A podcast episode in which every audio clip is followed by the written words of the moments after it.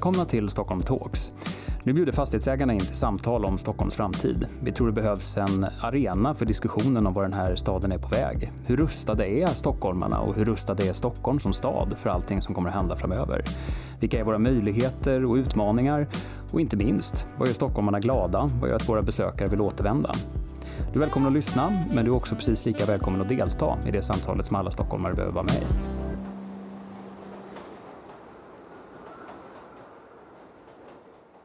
Varmt välkommen till Stockholm Talks, eh, första episoden.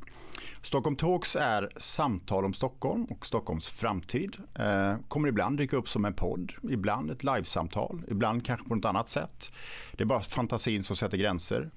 Men det viktiga någonstans är att, att vi försöker samla människor, eh, ni som lyssnar och andra att just diskutera Stockholms framtid. Bakom det här initiativet står fastighetsägarna i Stockholm. Och jag hälsar först som första gäst Oskar Öholm som är VD för den organisationen. Välkommen. Tack så mycket. Varför gör fastighetsägarna detta?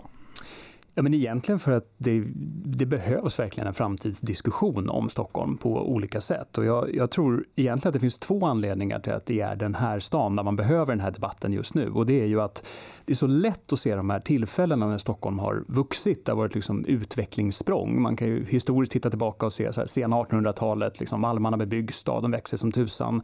Eller efterkrigstiden, all bebyggelse som hände. Men vi missar lite grann att vi också just nu är precis i ett sånt där utvecklingssprång. Vi ska gå från 2 till 3,5 miljoner invånare i den här regionen de kommande åren. Det vill säga det vi gör nu, de avtryck som vi sätter i den här stan nu, de kommer att gälla för flera kommande generationer. Det är klart, då behövs det ett samtal om vad vill vi att den här stan ska bli? Det är det ena skälet. Det andra som jag ser är ju egentligen de megatrender som finns över hela världen. Alltså den utveckling som alla stora städer går igenom. Hur städer ska funka, hur man ska ta sig fram, hur näringslivet ska se ut, hur, ja, hur, hur man vill att stan ska hänga ihop. Och det är klart att den diskussionen behövs och jag är helt övertygad om att just också fastighetsägarna är en, en bra arena för att diskutera den typen av frågor. Det är trots allt i våra fastigheter som allt från den första dejten till den första affärsplanen knäcks. Precis, då börjar vi skarpt. Du nämnde här eh, eh efterkrigstiden, det var ju några år sedan. Om vi tänker oss att istället för att vi blickar bakåt så blickar vi framåt lika lång tid. Du nämnde att Stockholm kommer att växa, vi kommer antagligen vara fler som bor här. Men vad kommer se annorlunda ut mer? Ja, alltså det är ju, går man tillbaka liksom de här åren till, till 1800-talet så, så är det väl rätt svårt att se framför sig de här elskotrarna som nu åker omkring och leveranser av, jag väntar på en matkasse när jag kommer hem. Så att, äh, att spåna allt för, för brett är kanske svårt, men det är klart att... Men tillåter lite Om man tillåter sig lite grann så är det klart att det handlar ju om, ta bara den saken med, med alla leveranser, hur det ska funka. Vi har haft en diskussion som har handlat väldigt mycket om liksom, trafikproblem för att det står bilar i kö. Jag tror att en av framtidens diskussioner kommer kommer bli... Det är jätteskönt att det kommer en matkasse, men när alla ska ha en matkasse hem, hur ska den här logistiken funka? Alla mikrotransporter, mikroleveranser, hur ska det där fungera? Var, var, ska det vara? Var ska det ske någonstans?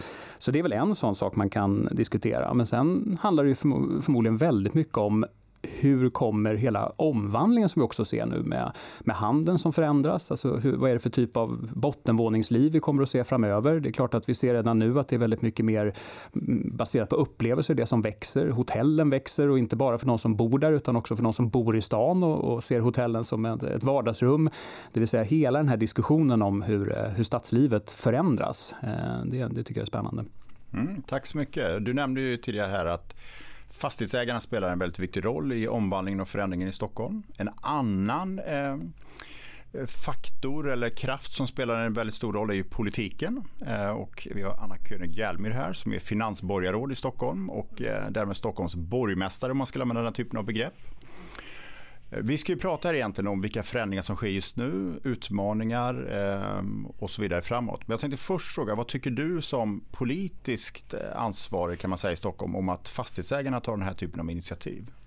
Jag är otroligt glad för det ska jag säga. För att ja, vi sitter i stadshuset och det blir lätt att man har fokus på nästa ärenden. Eller det är klart man, man tittar också på kommande konjunktur eller budgetår, mandatperiod. Men alltså, jag är så medveten om att vi behöver aktörer som fastighetsägarna som vågar vara visionära, blicka framåt, ha den här direktkontakten med företag, med fastighetsägare som också är experter på kommande trender både i Sverige och globalt och hur vi kan ta den kunskapen med oss för hur vi planerar staden framåt. Så det är helt nödvändigt för oss att ska vi utveckla Stockholm på bästa sätt, då måste vi samarbeta med aktörer som fastighetsägarna. Så att jag, jag är lika nyfiken faktiskt på att lyssna på er här idag i det här samtalet som att få prata lite själv. Jag är ju politiker ändå. Så att, ja. Mm, du ska nog få prata lite själv också tänkte vi. Men jag tänkte så här att, att utgångspunkten här är ju att blicka framåt mm. och kanske också våga blicka framåt lite längre än bara morgondagen. Eh, jag tänkte att när vi, det här är ju första samtalet. Eh, om man tar då politiken, alltså hur lång horisont har politiken när, man, när ni blickar framåt över Stockholm? Ja, det vi, vi jobbar väldigt mycket nu med elektrifieringen av Stockholm. Alltså hur kommer det att kunna påverka allt från godsleveranser, stadsutveckling, eh, vi, vi ser en utveckling av drönare på tal om liksom leveranser. Eh, är det så att, att Stockholm 2030-2035 eh, faktiskt kan möjliggöra att, att nästan all godstrafik går nattetid? Vad betyder det då för framkomligheten dagtid? Hur bygger vi fastigheter idag där man kanske kan samordna då leveranser av allt ifrån matkassar till, till annat eh, i fastigheten, eh, i bottenplan eller med smarta lås. Att, att eh, hela tiden anpassa eh, hur vi tänker framåt i en stad där kanske inte alla har bil, där man har mer delningstjänster, man är mycket mer digital och att vi får in det i stadsplaneringen från början. Så att vi är ju långt fram, alltså mer 2030, 2035 i alla fall i hur vi nu tänker framåt. Mm. Mm. Bra, vi har ytterligare en gäst här också. Helena Olsson som mm. jobbar till vardags med just stadsutveckling och samhällsfrågor på Fastighetsägarna. Stämmer. Eh, och vi har ju börjat titta lite grann framåt. Vi har nämnt eh, elektrifiering, vi har pratat om eh, de här eh, mikrotransporter och annat. Vad ser du i kristallkulan som du tycker är viktigt att föra in i den här typen av samtal?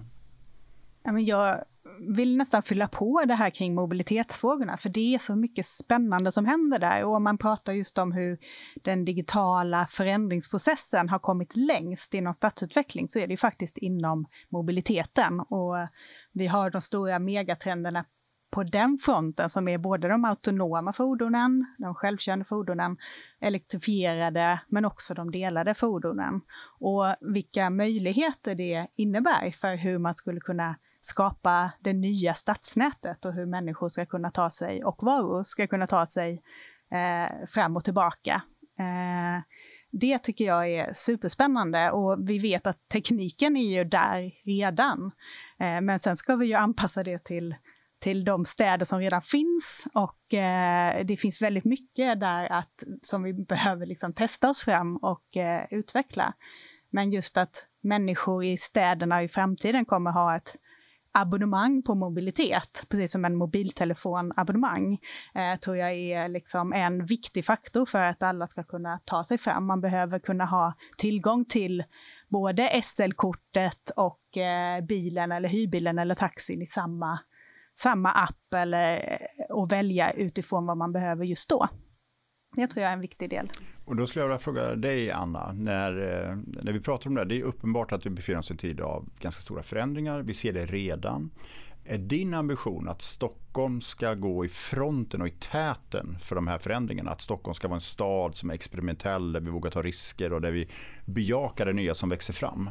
Ja, verkligen. Och det är Stockholm det idag skulle du säga? Jag tycker att vi, vi har väldigt bra förutsättningar att vara det. Vi blev ju precis utnämnda till världens smartaste stad.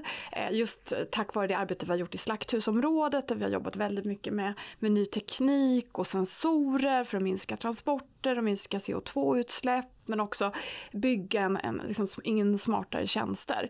Men då var ju min fråga när jag, jag, kom dit att ja, men nu kan vi ju inte vila på det här utan hur tar vi det här vidare till nästa så att det inte bara blir ett projekt utan det blir faktiskt hur vi jobbar i alla processer framåt. Och och eh, försöka att få alla, oavsett vilken förvaltning man tillhör, att ha mod.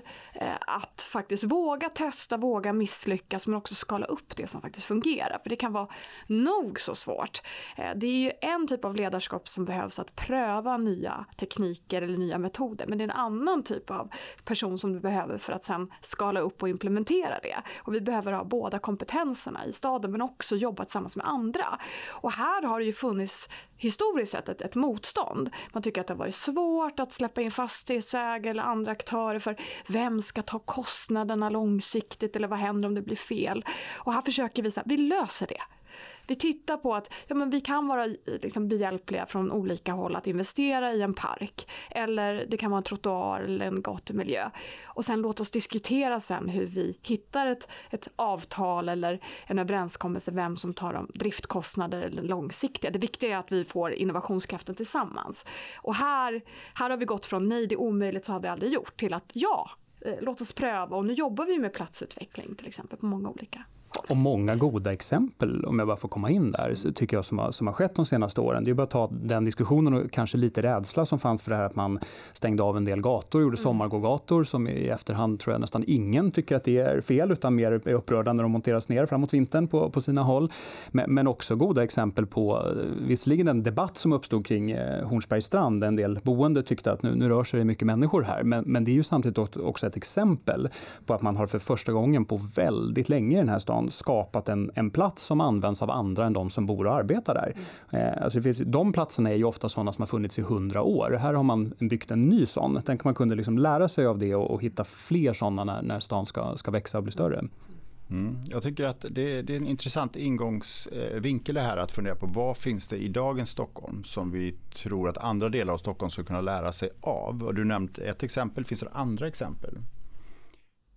Ja, men jag tycker att det är spännande nu med hela slakthusområdet mm. också som planeras fram där man bygger in kultur och man mm. bygger in eh, liksom platsens identitet från början.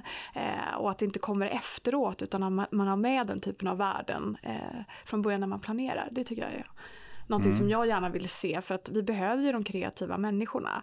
Och just att kulturen har en viktig plats i stadsutvecklingen. Men att ofta så ser vi att det blir spänningar mellan eh, boende och eh, kanske om det kommer in en klubb eller en liksom annan eh, mm. verksamhet. Mm. Eh, Oskar då, som du är vd på Fastighetsägarna. Du nämnde tidigare här att det kommer bli intressant att framöver att se hur vi ska få plats med alla mikrotransporter och sådär.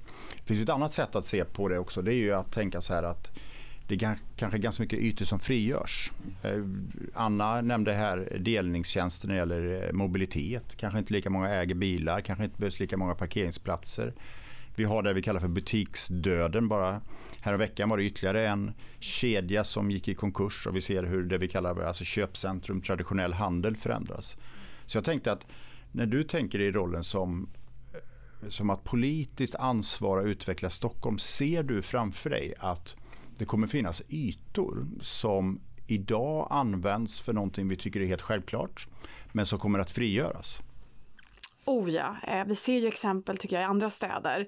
Eh, New York, när jag var där senast, har ju förändrats otroligt mycket när man har nu publika stråk där människor fikar eller det kan vara konstutställningar som är eh, tillfälliga eh, på platser som tidigare kanske var parkeringsplatser och annat. Och, och just de delningstjänster som finns när det handlar om bilar exempelvis eh, visar ju på hur mycket yta vi faktiskt skulle kunna frigöra. Eh, och här kan vi ju bjuda in också fastighetsägare ägare men också de som faktiskt finns kvar fortfarande. Det är många restauranger som går bra fortfarande och man kan göra då tillfälliga eh, aktiviteter på de här platserna.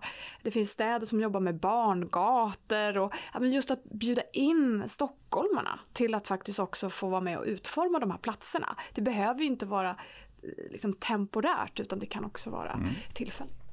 Helena? Ja, men jag tror också i takt med just att stadskärnorna och platser eh, omvandlas och handeln kommer finnas kvar men den kommer ta en mindre andel, så blir det också väldigt mycket viktigare vad som händer mellan husen. Och liksom det som, för att det viktiga för både det kommersiella och handeln är ju att det finns folk där och att det finns potentiella kunder. Och då behöver man ju också skapa stadsrum som gör att människor vill stanna kvar eller ta sig dit och dröja kvar lite längre.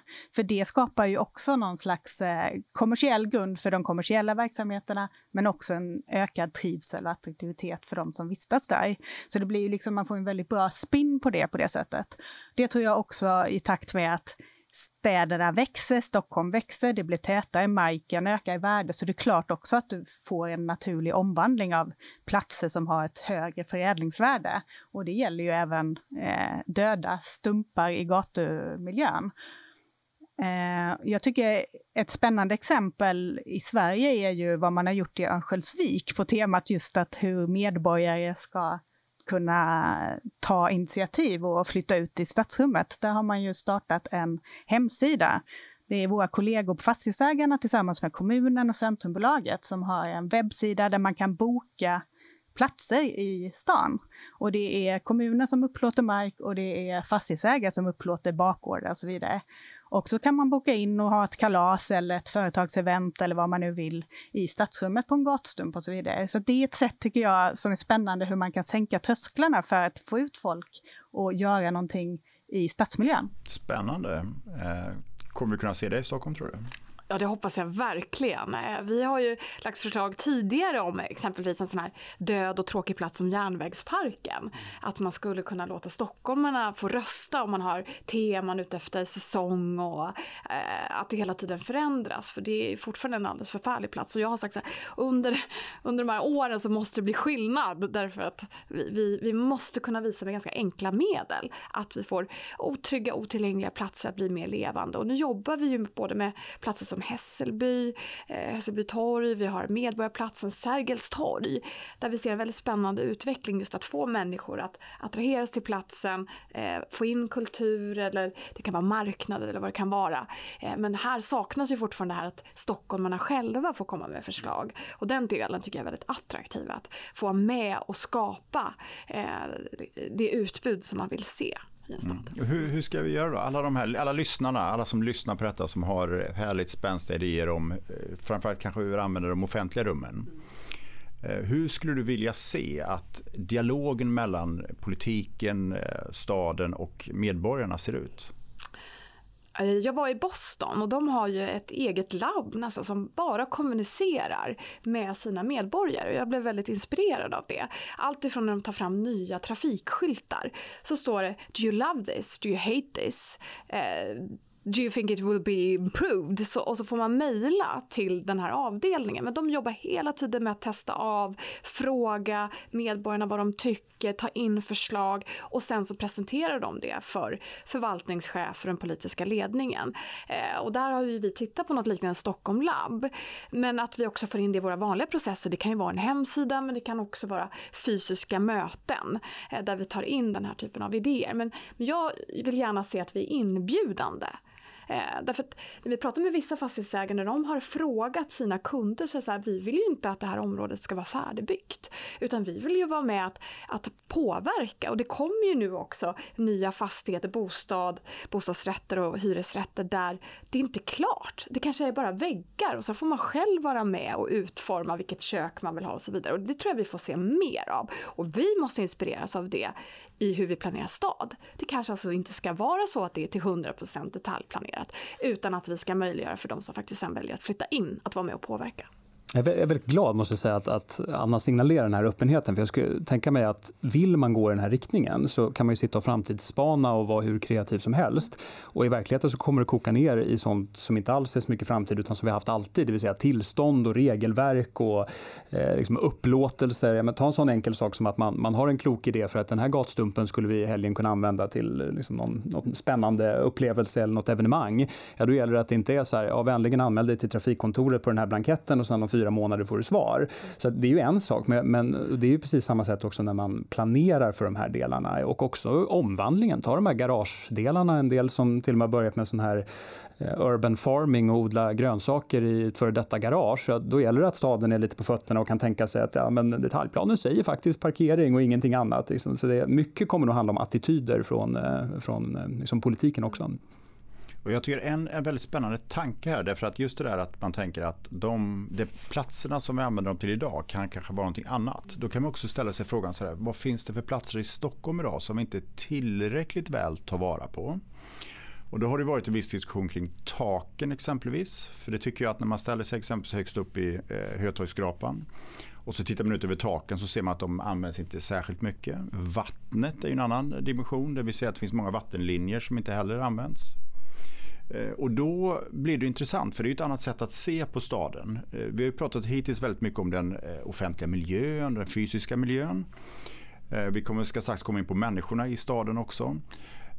Men vad säger ni här inne? Vilka delar av Stockholm skulle man kunna göra något väsentligt annorlunda? Ett eh, ärkeexempel tycker jag ju är Riddarholmen, eh, som ju har ett kvällssolsläge. Det är fantastiskt läge i Stockholm, mitt i smeten, vackert och eh, inga boende, vilket i det fallet kanske kan vara något positivt om man vill starta liksom, eh, kvällsaktiviteter och liksom, eh, lite eh, ja, nöjes som låter. Men också överhuvudtaget att skapa liv på den platsen är ju en sån här dröm, drömgrej, tycker jag, mitt över stadshuset. Som, eh, ja, som man kan ehm, Ja, det vore härligt. Mm, vad säger ni andra? Finns det några platser ni ser att här skulle, här skulle man kunna göra mycket? Jag håller verkligen med om Riddarholmen. Mm. Kan säga. Det är Statens fastighetsverk. Mm. Vi har försökt gå på där. Det är, det är rätt svårt. Men det är någon som har kontakter som hör det här så hjälp oss lobba på just det här området. Men, nej, men jag håller med om taket. Jag tror att det skulle finnas, behövas en takplan för Stockholm. Eh, när man har rest mycket internationellt så ser man att det finns både simhallar och fotbollsplaner på tak. Men det, jag efterlyser ju fler radhus i city också för oss småbarnsfamiljer som trängs mitt i stan och älskar stan. Men kanske skulle vilja ha en liten plätt själva och kunna liksom gå ut på. Eh, så att, att ytterligare liksom utveckla taklandskapen och strandbad. Oslo utvecklar jättemycket strandbad, artificiella som sen Osloborna själva efterfrågat mer av. Mötesplatser, det liksom tillgängliggör attraktiv yta mitt i stan. Och eh, vi är på väg också förhoppningsvis att kunna få ett hamnbad här i Stockholm. Eh, också en finsk modell då som skulle kunna ligga i centrala Stockholm för att just använda vattenytorna lite mer. Men det är ju kontroversiellt fortfarande tyvärr. Och här behöver vi också ingjuta mod, både i beslutsfattare men också de som vågar eh, tänka på hur man exploaterar nya ytor. Och, eh, för ofta tas det ju emot positivt efter förändringen men det är just innan förändringarna som, som det kan bli stort motstånd. Mm. Jag tycker det är roligt också just med om man tar taken och vattnet så är ju det spännande utifrån perspektivet att det är ju det som alla som aldrig har varit i Stockholm förut nästan alltid pratar om. Men vi är lite hemmablinda och tycker inte att det där, ja visst, Riddarfjärden ligger där den ligger liksom. Men att utgå från det som på något sätt verkligen gör staden unik jämfört med, med många andra. Det, det är klart det finns massor av saker man kan göra där. Sen kan man ju fundera på, ta en sån enkel sak som när vi pratar om så här framtidsspanar om digitalisering och så pratar alla om så här, digitala lås är smart. Det är klart nästa steg i det där, det är ju att tänk om du hade en, en delningstjänst där du inte bara öppnar din egen dörr med ett digitalt lås utan du kan också på det sättet dela ytor. Alltså det kan hända saker på lokaler som, som på dagtid fyller en funktion och på kvällstid en annan. Eh, det har vi också sett en del internationella exempel på att det är, det är en klädesbutik på, på dagen och det är en nattklubb på kvällen. Alltså det, det går att tänka ganska kreativt men, men det bygger som sagt på mod, både av fastighetsägare men att det finns liksom system som funkar att göra det där. Men det kommer ju inte vara digitalt några problem att lösa. Det är ju bara liksom fantasin har, som sätter gränser. Har fastighetsägarna idag detta mod? Ja, i allra mm. högsta grad mm. skulle jag säga. Jag tror att allt, också, allt det handlar ju om hur, hur omvandlingen ser ut. Det är ju av självbevarelsedrift. Man inser det att det, det händer så mycket, inte minst i handelns omvandling, att man, man måste också tänka nytt på hur ska man använda lokalerna. Eh, samtidigt som man måste ha flödet runt bottenvåningarna för annars så, så liksom dras ju attraktiviteten ner i stort. Så att man, man måste börja göra det där. Eh, och det, det, är många som har, som har förstått det. Det pågår många spännande forskningsprojekt på det temat. Och så tittar vi på stadens lokaler också. Alltså det kan ju vara eh, en skolrestaurang, skolkök på dagen. Men kan det vara en restaurang på kvällen? Eller kan vi använda våra, eh, liksom våra eh, samhällsnyttiga fastigheter på kvällstid på helger som idag står tomma. Så att den typen av diskussioner har vi också för att skapa ökad trygghet men såklart också ta vara på våra lokaler på bästa sätt. Mm, så här, vi pratat väldigt mycket om möjligheter. Mm. det är väldigt härligt att höra. Eh, också roligt att höra att, att eh, grundanslaget någonstans verkar vara att, att med en öppen attityd eh, och med en experimentellt förhållningssätt så kommer vi kunna se många nya saker provas och testas. Men jag tänkte också föra in frågan lite grann kring vad har Stockholm för utmaningar? Och kanske inte bara Stockholm som en fysisk plats utan också för människor som bor i stan. Eh, då tänker jag på arbetsmarknadens utveckling, jag tänker på det, eh, man kanske vill prata om en delad stad och så vidare. Och Helena, du som jobbar mycket med stadsutveckling. Eh, vad skulle du säga att, att Stockholm eller andra städer, vad är den riktigt stora utmaningen framåt? Jag tror just den här, alltså de delade städerna som vi ser som blir liksom i urbaniseringens eh, tidevarv lite grann, eh, som är en eh, global trend. Eh, det handlar ju om att det blir dyrare för, för många som kommer nya som inte har en kötid som vi har i Stockholm eh, eller har pengar att eh, köpa sig en, en bostad. Eh, och det resulterar ju såklart i att de som har en bostad är, är de som betalar minst och de som inte har en bostad, inte har några medel, är de som faktiskt betalar mest för de bor i andra och tredjehandsboende. Och den vad som händer med det tror jag är liksom en väldigt viktig fråga att adressera. Uh, Upplever du eh, som jobbar med det här dagligen att, att frågan adresseras tillräckligt? Jag tror ju i väldigt hög grad att, att det, det, måste koka ner i det här att människor ska ha ett jobb att gå till. För det är genom att gå, ha ett jobb att gå till du kan betala en hyra. Eh, jag tror att och jag vet också att man jobbar väldigt mycket hårdare med att se över olaglig andra hand. För det här handlar ju om att det skapar också en, eh, en marknad för kriminella eh, organisationer som exploaterar på människors olycka i att ha svårt att hitta ett hem. Eh, och där är ju våra medlemmar på och vi har ju också fått en lagstiftning som gör att det är går att jobba mycket mer medvetet i detta. Och det, är ju liksom, det får ju liksom ringa på vattnet i form av eh, brottsförebyggande arbete. Eh, det är ju det det handlar om. Så att det är därför det också slipper, alltså, sipprar ut i stan, eh, de här utmaningarna. Anna, du som eh, politiskt mm. dagligen tänker och funderar på Stockholm och Stockholms framtid. Vad är det som får dig ibland att eh, inte riktigt kunna sova gott om natten alltså, när det gäller Stockholm? Men det är klart att vi har ju stora problem med, med otrygghet. Det var ju en sprängning här alldeles nyligen. Det är fortfarande mycket gängkriminalitet och skjutningar och unga som dras in i brottslighet. Och här, här siktar vi väldigt mycket på eh, både såklart att få fler i arbete men också skolresultaten där vi fortfarande har skolor, inte minst på Järva där inte ens hälften går ut skolan med fullständiga betyg. Och det är ju någonting som vi har identifierat som vi måste jobba med såklart. Eh, men också det här att det, är, det börjar bli väldigt dyrt att kunna bo i Stockholm. Så hur ska vi få framtidens välfärdsmedarbetare att vilja stanna? Vi kommer att behöva varenda undersköterska för hemtjänst och för äldreomsorg och förskollärare. Men det är inte så lätt då att kunna leva i en stad som är så pass dyr. Eh, och det ser vi också på separationer, om barnen har rotat sig i skolan och föräldrarna ska skilja sig. Det är inte så enkelt. Därför ser vi också en utflyttning nu av barnfamiljer från Stockholm och man börjar titta på andra närliggande, kanske län och, och kommuner. Och här behöver vi fortsätta jobba med, både trycka på regeringen så att vi får en fungerande bostadspolitik, men också kollektivboende och annat. Och då kommer vi in också på kollektivboende är ju bra också för problemen vi ser i vår stad med isolering och ensamhet. Eh, vi ser det både bland unga men också bland äldre. Eh, och vi hade ju en historia som var väldigt tragisk, den här mannen som hade legat död i Stockholm i tre år utan att liksom någon hade saknat honom. Och, och, det är ett exempel på när vi ser allt fler äldre faktiskt mår väldigt dåligt. Och där tror jag på mycket generationsboende, att vi kan jobba med studentboende eller bo, boende för barnfamiljer kombinerat eh, med senior Eh, jag tycker vi ska ta den här typen av problem på allvar. Staden är fantastisk för oss som också gillar ibland att ha lite anonymitet och inte veta exakt liksom vad alla gör. Men samtidigt som vi behöver det här sociala för att må bra som människor. Vi ju liksom, har ju fortfarande det i oss sedan tiotusentals år att vi behöver vi behöver vara social kontext.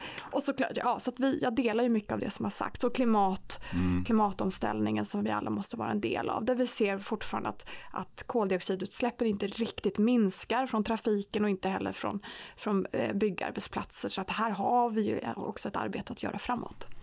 Om du tänker framåt, du har nämnt här egentligen det vi kallar för en delad stad eller integration eller bristande integration mm. kanske och hållbarhet. Eh, när du tänker framåt, är du optimist eller pessimist? Vad, hur tänker du? Jag är ju en obotlig optimist. Obotlig. Ja, mm. jag, jag, tror alltid att det finns lösningar. Men däremot får man ju vara realist ibland också. Så här, att det, vi kan få bakslag, det kan vara, eh, ta lång tid att genomföra mm. reformer som ger eh, rätt effekt. Men, men jag är övertygad om att, att har vi hela tiden probleminsikterna eh, så kommer vi också kunna att, att jobba för lösningar. Jag brukar säga det att, att mycket av stadens problem när det gäller klimatfrågan till exempel finns i de stora städerna men det är också där lösningarna finns. Så att det är både och. Eh, och vi kommer att kunna möta det här om alla har det högt upp på agendan och jobbar tillsammans. Mm. Oskar, vad säger du, vilka är de stora utmaningarna för en stad som Stockholm? Men många har ju nämnts eh, liksom hittills, men jag, men jag, tycker också det här med, det, det, är klart man ska vara optimist och sen precis som Anna säger, så länge man kombinerar det med att man också förstår hur verkligheten ser ut. Jag tror att en utmaning vi kanske har, det är att ruska om vår självbild lite grann ibland. Alltså vi, vi säger ofta det här, Stockholm växer så det knakar, vi ska bli 3,5 miljoner invånare i regionen om några år. Eh, och så ser man framför sig den här bilden av, eh, ungefär som jag som stack från Örebro och kom till huvudstaden, att det, det är liksom så det ser ut. Men, men där sedan några år tillbaka så, så är det ju en nettoutflyttning faktiskt, eh, inrikes, eh, från, från både Stockholms stad och från Stockholms län. Och skälet till att man ändå växer, ja, det har ju med migration och med barnafödande att göra.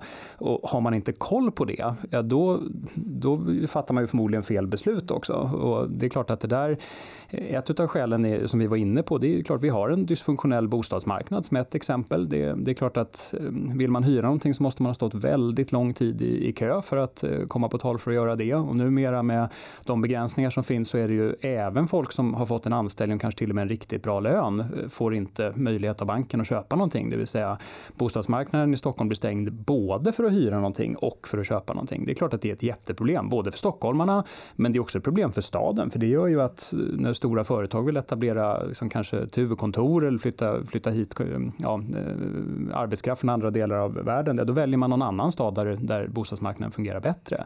Så det är ju en sån sak som vi måste Men ta tag i. Du, säger, du nämnde ju de här korrekta siffrorna eh, kring hur situationen ser ut för Stockholm just nu när det gäller utflyttning, inflyttning och sen sa du framförallt i början så sa du att Stockholm är på väg att växa, vi kommer bli många, många fler. Vilka kommer de här fler vara i Stockholm? Barnafödandet eh, ser ju ganska bra ut. Kommer vi få se många, många fler barn? Kommer vi få se fler barngator som Anna nämnde? Vilka är de framtida stockholmarna? Ja, men dels så är det ju såklart att eh, det, det, finns ju två trender samtidigt ofta. Alltså en del är ju det här att, att, barnfamiljer lämnar för att det är svårt att skaffa ett större boende, det blir för dyrt helt enkelt. Eh, samtidigt så finns ju också den här trenden att, att, man vill bo kvar i stan fast man har barn. Det naturliga var kanske tidigare att ja, men nu är det dags att skaffa villa för nu har barnen kommit, men, men man har liksom rotat sig i, i stan. Så de trenderna finns väl, finns väl samtidigt. Men sen är det klart att om man tittar på migrationen till Stockholm just nu så är också tror jag en, en, en bild, det är ju väldigt mycket diskussioner såklart så här, vad, vad, vad kommer kommer alla till Stockholm ifrån. Att, att den här stan sticker ju också ut att vi har väldigt mycket arbetskraftsinvandring. Väldigt mycket som kommer från, från Kina och från Indien utav liksom programmerare och annat. Alltså det, det, är en annan typ av invandring också till, till Stockholm som vi ibland inte pratar så mycket om. Hur ska de få plats och hur ska vi liksom bygga där? Mm. Vad heter det? Jag tänkte eh, vi ska så smått börja runda av det här. Det här är ju kan man säga det första introducerande samtalet egentligen. Framöver så kommer vi ju att försöka vara mycket mer avgränsade, eh, hitta speciella frågor. Vi har ju nämnt massvis med olika spännande frågor här idag. Eh, men om man tänker sig att vi kommer husera, eller fastighetsägarna i Stockholm kommer att husera ett antal samtal om Stockholm eh, på olika sätt. Vad skulle ni vilja eh, att vi pratar mer om? Vad skulle vi behöva fördjupa oss när det gäller Stockholms utveckling? Och Anna, du, du sa i början att jag kommer hit också för att lyssna. Var någonstans vill du ha nya idéer? Vad behöver politiken nya idéer?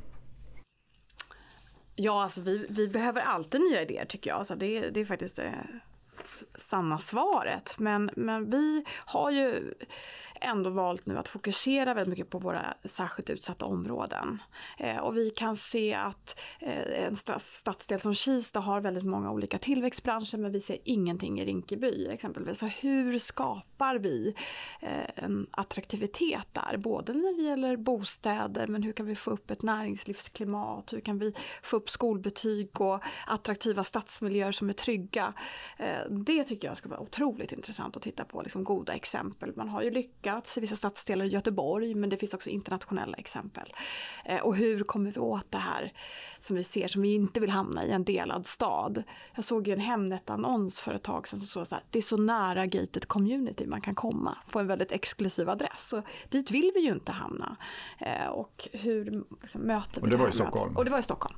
Det, hur reagerade du då? Nej, men jag blev väldigt ledsen för jag känner att när det här börjar dyka upp i fastighetsmäklares annonser, då säger det någonting ändå att det här är någonting positivt som många efterfrågar på grund av någon känsla av otrygghet och vi ska inte hamna där. Att det, det blir just det här vi och dem och ja, den typen av stängda områden. Mm. Helena och Oskar, ni är ju båda lite eh, initiativtagare till det här. Mm. Men jag tänkte ändå höra, vad, Helena, vad, vad skulle du tycka vore intressant att diskutera mer? Jag tycker att det är alltså, spännande just att tänka kring alltså, destinationen. Hur mycket som eh, staden och platser kan lära sig av besöksnäring och den typen av, av eh, attraktivitet som det innebär, men också hur man jobbar på det sättet. Och jag tycker att symboliskt så är ju hashtag staycation lite grann eh, ett väldigt bra exempel på just att vi också i vår egen hemstad upplever den på ett annat sätt än vad man gjorde innan och uppskattar den på ett annat sätt än bara det vardagliga. Och det tror jag liksom är en nyckel också kring hur man liksom kopplar ihop en stad och hur, hur man också kan, vad, vad är destinationen Kista till exempel då för att koppla tillbaka till dig Anna, eh, som ju har spetskompetens inne i fastigheterna, jättemycket arbeten, inte så mycket bostäder och framförallt inte så mycket liv i gatumiljöerna. Och hur, när det händer så spännande saker inuti. Alltså alla är stadsutvecklare. Hur kan olika typer av aktörer, även företag som, som vill ha de här levande stadsmiljöerna och där de etablerar sig, hur kan de vara en del av att bidra till stadsmiljön? Eh, det du, tycker du jag är en intressant diskussion. Örnsköldsvik, ja. det var lite roligt. Men om du tittar på Stockholm och du eh, har ju jobbat intensivt med det här. Vad, vad finns det idag för spännande initiativ i Stockholm? Men det är ju Alltså det är ju svårt att, inte nämna slakthusområdet till exempel. Eh, det finns så mycket i Slaktis som, som symboliserar de frågorna vi har pratat om idag. Dels att det är ett kultur, en, det ska vara en kulturstadsdel, en destination på det sättet. Det ska bygga vidare på det här unika historiska arvet med mat. Eh, du har också att den spännande blandningen av gammalt och nytt, som jag tror är väldigt viktig att tänka på. Eh, för då får man också den här automatiska blandningen. Du får både höga och låga hyror för att du har gammalt och nytt bestånd. Det nya är alltid dyrare, men har du det gamla också, då kan du få en helt annan dynamik i hyresgästerna, både bland de boende, men också bland lokalhyresgäster och de verksamheter som finns. Och det tycker jag är väldigt spännande. Och det är ju någonting som vi ser överhuvudtaget när Stockholm växer nu, när vi förtätar. Vi pratar lätt om att det nya ska komplettera det gamla, men det gamla kan också komplettera det nya med sånt som är för dyrt att bygga nytt. Mm.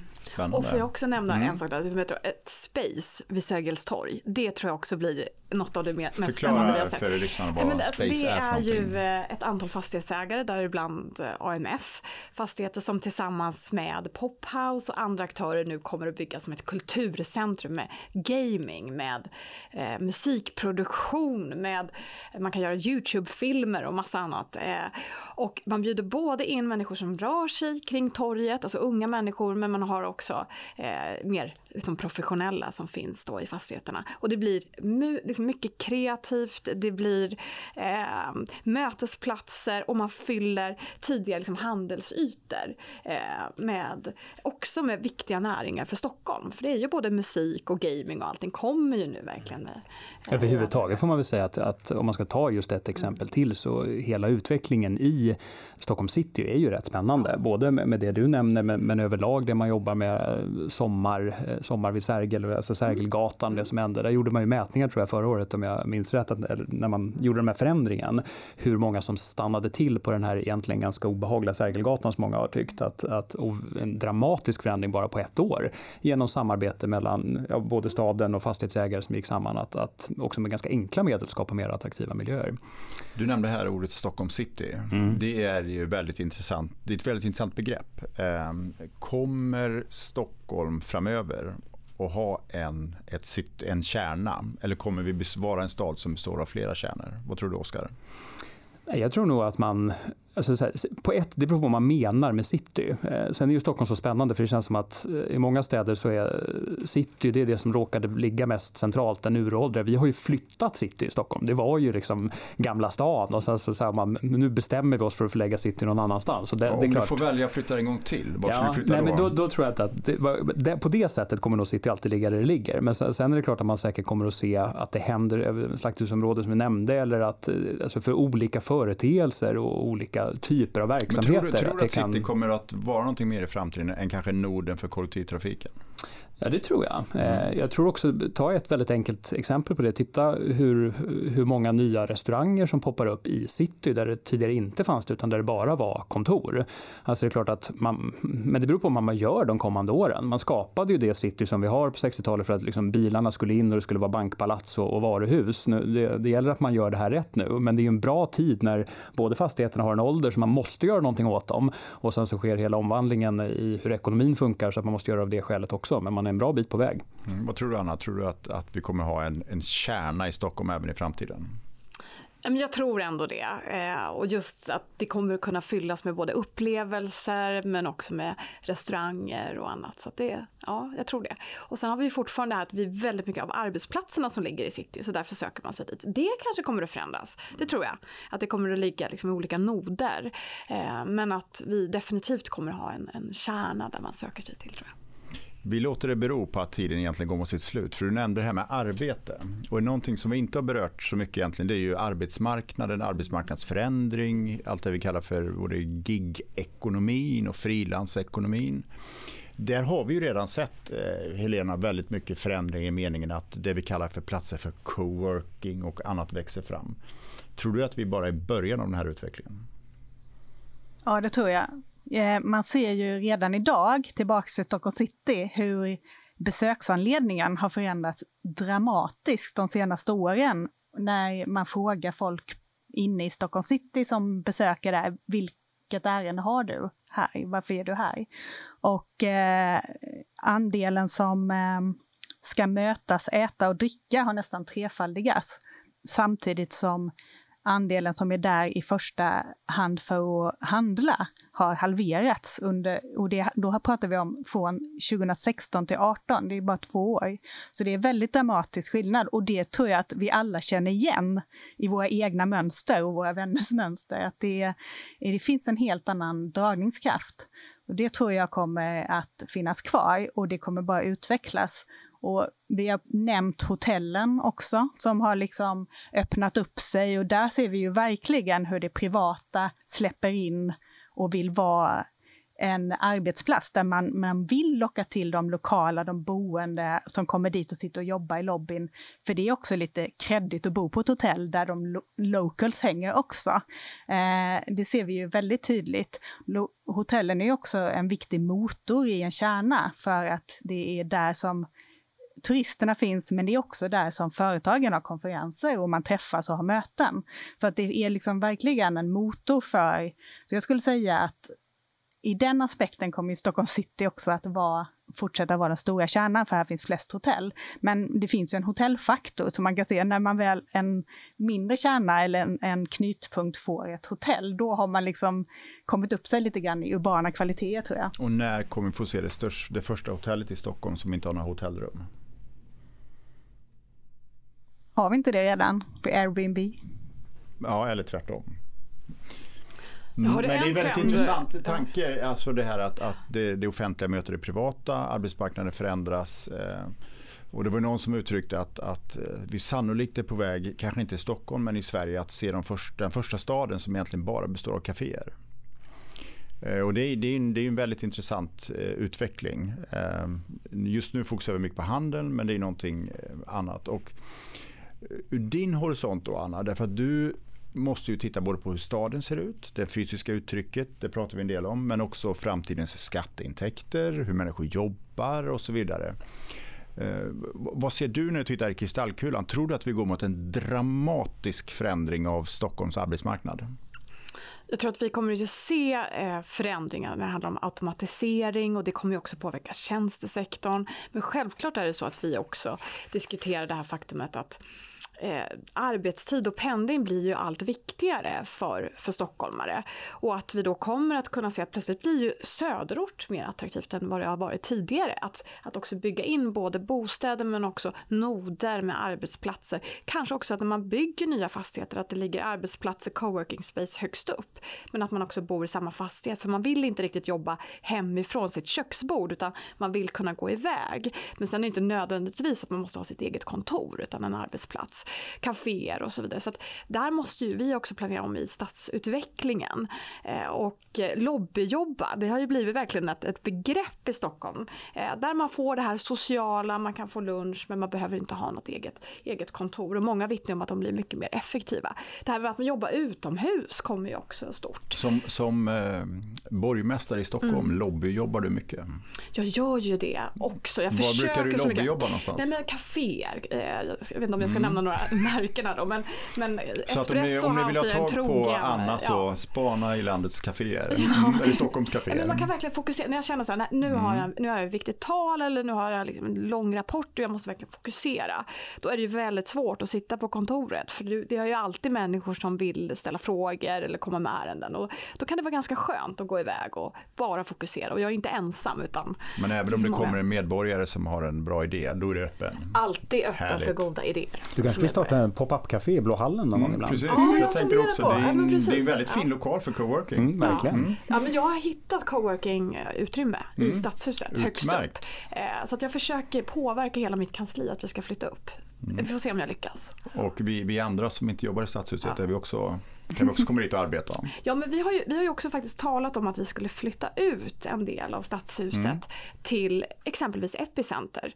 Då man skulle kunna sitta och ha en liksom, innovativ avdelning. Jag skulle kunna vara där, vissa förvaltningschefer skulle kunna schemaläggas dit. Så man får den här, det här gränssnittet med andra aktörer och företag och näringsliv och fastighetsägare och annat. För att få mm. det här innovativa till oss. Helena, lobbyjobbar du mycket? Ja, jag gillar att göra det också. Um det är lite grann just det där, ibland behöver man det här bruset för att kunna fokusera. Och då är det ett väldigt bra sätt. Så mellan möten på stan så tycker jag det är perfekt att smita in mm. någonstans och sätta sig. Mm. Vad säger du Oskar?